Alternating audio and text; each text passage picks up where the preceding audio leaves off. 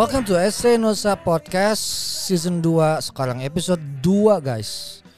Ya episode 2 ini gue mau ngobrol hal yang simple tapi nggak simple. Yaitu soal salah konteks.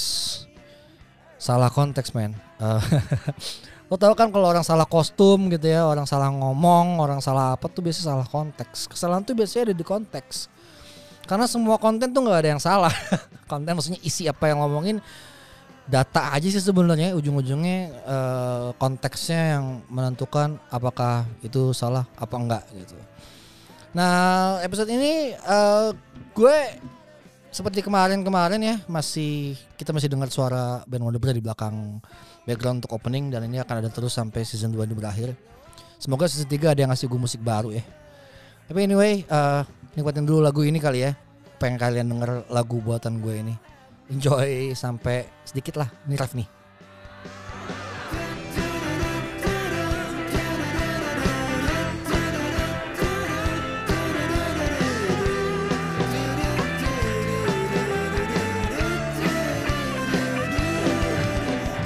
Eh bukan ternyata.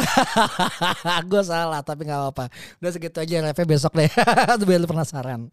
Kalau mau lagunya Lagunya ntar lagi juga akan diupload di Spotify Sama Mondi Black Sound Lab ya uh, ada dua album tuh bakal di bakal diupload. Jadi uh, oke okay, hari ini kita ngomong soal konten dan konteks atau konteks dan konten.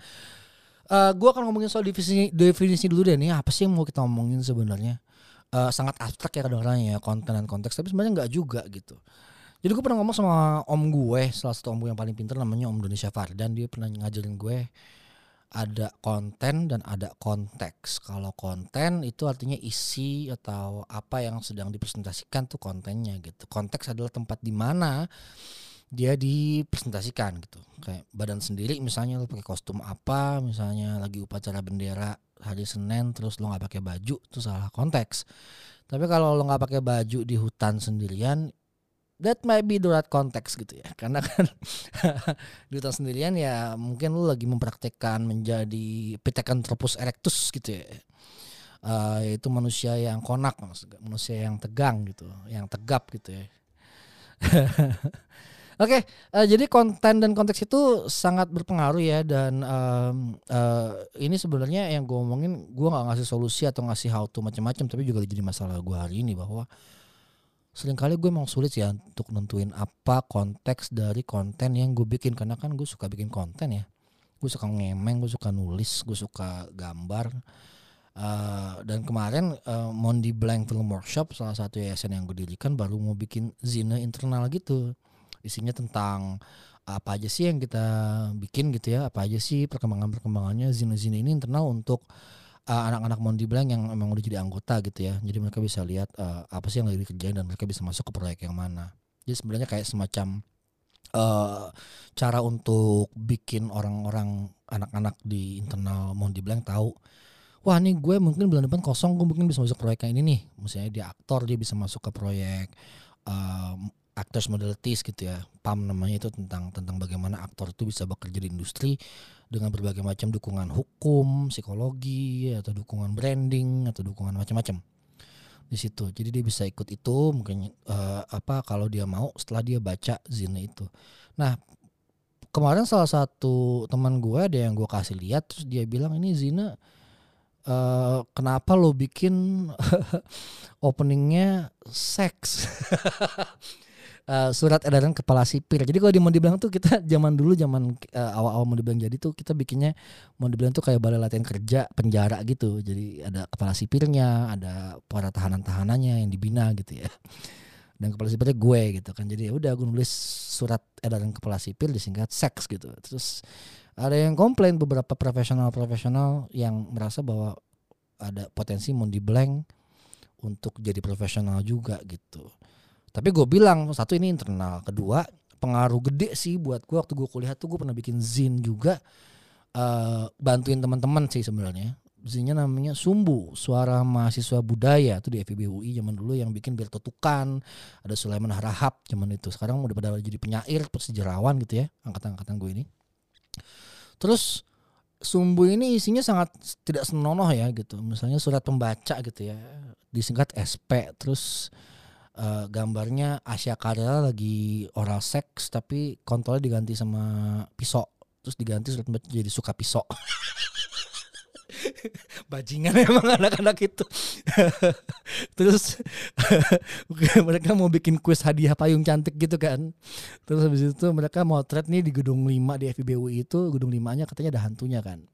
Jadi mereka motret nih ada mahasiswa dicetak nih mahasiswa lagi pada ngumpul di gedung 5 di foto yang foto bareng gitu rame-rame satu angkatan gitu ya.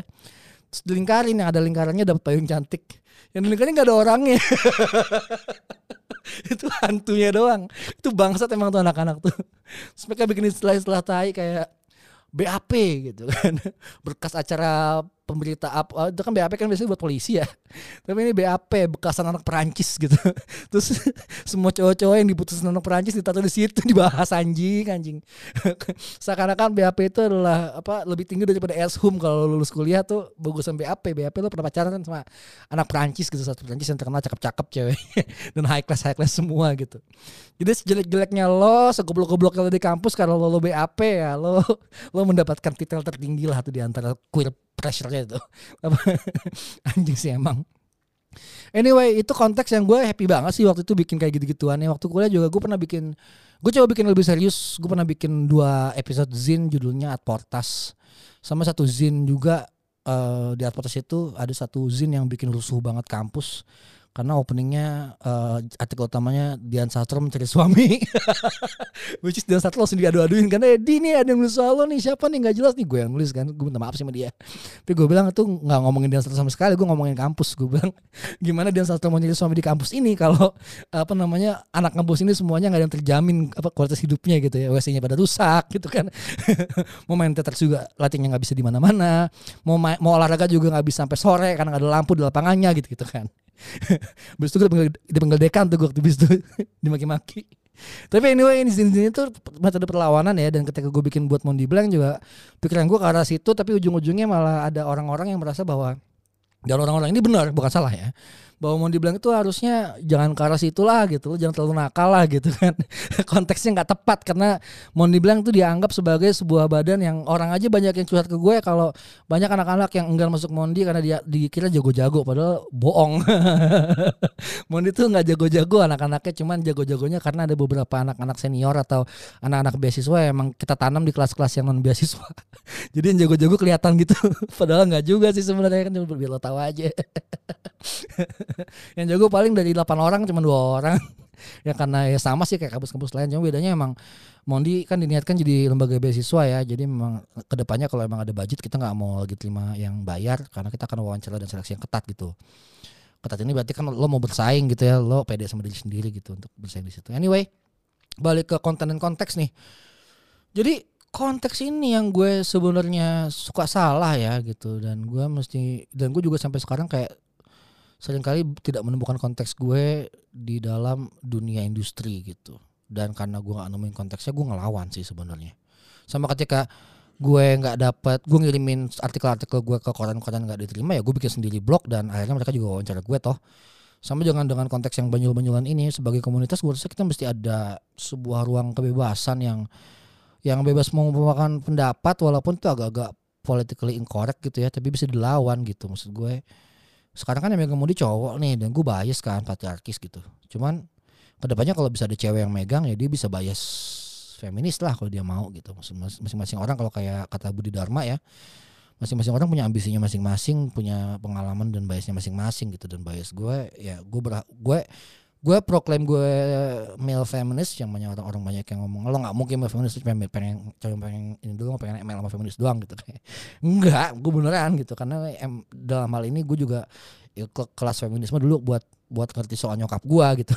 Jadi nggak ada bunganya mau gue pengen ML ya kadang-kadang dipakai sih cuman udah nggak lagi. Maaf maaf. Maaf maaf maaf. Maaf ya kawan-kawan yang denger maaf ya Dea. Maaf ya uh, feminis feminis Tera semua teman-teman nggak. Gua gua udah nggak ke situ ke arahnya. Uh, serius. Anyway Uh, konteksnya salah nih. Gue kayak gini kan gue ngomong kayak banyak salah konteks. Anjing gue takut. Apalagi ketakutan konteks ini kan soal political correctness ya. Kalau gue salah ngomong seorang akan maki-maki gue cuman at some point apakah gue mesti menyerah ya gitu ya? Uh, kayak konteks yang paling serem kan misalnya ja, uh, or, para boomers nih. Ini boomers nih yang paling suka salah konteks hari-hari ini kan. Kayak pelecehan-pelecehan seksual gitu ya. Yang dilakukan boomers ke cewek-cewek zaman sekarang gitu ya Uh, mereka tuh udah nggak ngerti bahwa lu udah nggak boleh lagi grepe-grepe cewek sembarangan gitu. Dulu juga sebenarnya nggak boleh, cuman kan lo merasa bahwa lo sebagai patriark berhak untuk uh, merangkul atau memeluk cewek-cewek ini ya, tapi sekarang udah nggak bisa bro gitu. Dan ini sesuatu yang bubur-bubur ini harus menerima dengan keras karena mereka nggak ngerti konteksnya dan ketika mereka melakukan hal itu sama cewek-cewek zaman sekarang ya dihajar habis lah gila loh. Goblok gitu. Nah gue juga sebenarnya banyak berubah ya karena gue juga dibesarkan sama patriarki. Gue juga sebagai laki-laki yang masih ngalamin gue tahun 2000-an itu apa namanya patron-patron ini pada ceramah-ceramah di mana-mana di kantong-kantong kebudayaan dan sangat-sangat seksis gitu ya. Gue masih ngalamin dan dan gue juga ngikut sama mereka sebagai apa impian-impian Ariel Noah gitu loh yang anjing rockstar ceweknya banyak gitu. Kalau penyair tuh kalau lo nggak punya cewek banyak lo nggak nggak bisa sah sebagai penyair. Kan konteks-konteks zaman dulu ya. Nah itu kan udah dibantai juga dan gue berpihak kepada yang hari ini yang hari ini uh, apa namanya memantai mereka gitu. Dan gue juga tahu sih suatu hari kalau ada mantan pacar atau siapa yang benci sama gue, gue bisa dituduh macam-macam gitu ya. Cuman gue akan kembali ke konteks. Gue akan kembali ke konteks. Konteks waktu itu terjadinya gimana, beb. dan dan gue akan terima. Oke okay, kita diskusi uh, apa pun itu gitu. Dan gue berharap uh, masalah bisa selesai dengan damai dan gue bisa paling enggak me me mengurangi trauma-trauma yang gue sebabkan ke orang lain sih gitu. Gitu. Karena teman-teman gue juga ada yang kena tuh gila. Uh, Armandani tuh kena. Sebut nama aja anjing. anjing kena habis doi gitu dan ini uh, semenjak Weinstein kena semua pada banyak yang kena kan macam-macam pada ngilang-ngilang tuh pada orang-orang seksis pada kena bagus bagus itu kan orang-orang salah konteks tuh pacak-pacak itu salah konteks gitu Nah gue juga takut sih salah konteks dalam bidang industri ini. Apakah mau dibawa ke mana nih misalnya mau di blank nih yang sekarang masih gue ketua program ya gitu. Apakah ntar gue salah ngomong tuh gimana? Bahaya kan. Jadi masalah ini dan gue berusaha sih untuk tidak begitu. Tapi kayaknya nanti itu di zina yang kedua aja ya guys. Jangan yang pertama udah keluar soalnya. Kalau ada yang mau dapat zina pertama itu uh, minta sama gue ya. Ntar gampang uh, lo bisa ke ke DM gue atau ke DM DM yang mau di blank gitu ya. Tapi itu lo minta dengan konsekuensi bahwa lo akan nemuin beberapa kalimat-kalimat yang political incorrect ya. Uh, dan apa namanya gue minta maaf banget tuh soal itu. Sama juga dengan SNOSA ini ini gue bikin ruang nih buat gue untuk ngomong kayak begini gitu. Jadi please kalau lo emang mau dengerin ini ya udah lo tau lah bahwa gue akan begini ngomongnya dalam ruang ini dan jangan diambil hati ya kalau lo kalau apa namanya apa yang gue omongin ini menyinggung lo ya gue minta maaf gitu. Tapi lo bisa nyinggung gue balik kok gitu. Lo bisa ngincer gue juga di secara personal gitu ya. Tapi jangan publik ya please. Jangan publik gue males banget men. Publik publik gitu men. Anjing. Gue punya temen yang kesian banget tuh dia apa namanya dicecer publik gitu. Buat gue salahnya nggak gede-gede amat. Kayak salahnya cuman uh, pelakor. Ya gede ya. Anjing men ada pelakor terus dilibutin di Facebook sama bini yang dilakor sama dia yang lakinya diambil. Tapi lakinya juga nggak diambil sebenarnya. Emang temen gue ini apa namanya uh, eh, PK aja gitu PK cewek aja gitu suka main cowok gitu. Dan lakinya dia emang gatel gitu gue tahu. Terus dia diumbar anjing semua orang kena. Gue juga di tag tag lagi babi sama cewek yang gue kenal ini siapa nih bininya si uh, orang ini tapi itu itu terjadi gitu. Dan gue juga kayak takut juga nih suatu hari terjadi. Cuman ya gue udah siap-siap sih kayak tinggal uninstall semua dan mengasingkan diri aja. Semoga masih dapat kerjaan atau kerjaan gelap gitu atau ada yang masih mau nyumbang-nyumbang buat beli buku gue novelet gue tuh yang baru keluar kemarin yang Kaori. Uh, makasih banget kemarin udah yang beli-beli novel gue. Udah beberapa puluh orang sepuluh orang lebih sih. Cuman mungkin saat ini udah beberapa puluh orang Terus untuk Kak Ori yang ngetek gue di Facebook, Kak Ori uh, senior gue di sastra Inggris, uh, thank you udah komen. Semoga lo juga baca novel itu. Siapa tahu lo bisa menemukan uh, di mana gue kangen sama lo ya. Nah, makanya namanya Kak Ori. Enggak sih nggak ada bunganya sebenarnya. cuman emang gue gue kangen sama lo ayo kita ketemuan lah kita ngopi-ngopi kaori gue gue kangen sama Banyolano dan lo tahu bahwa semua political incorrectness ini cuma hanya untuk supaya kita happy happy gitu Lo adalah salah satu orang yang mengerti bahwa bahwa nyablak itu gue belajar dari lu sebagai orang nyablak yang gue kenal dari gue masuk baru masuk kampus gitu. Love you so much. Oke. Okay. Uh, udah 15 menit ternyata uh, kita akan akhiri podcast ini uh, episode 2 dan kita ketemu lagi di episode selanjutnya ya. Thank you guys. See you.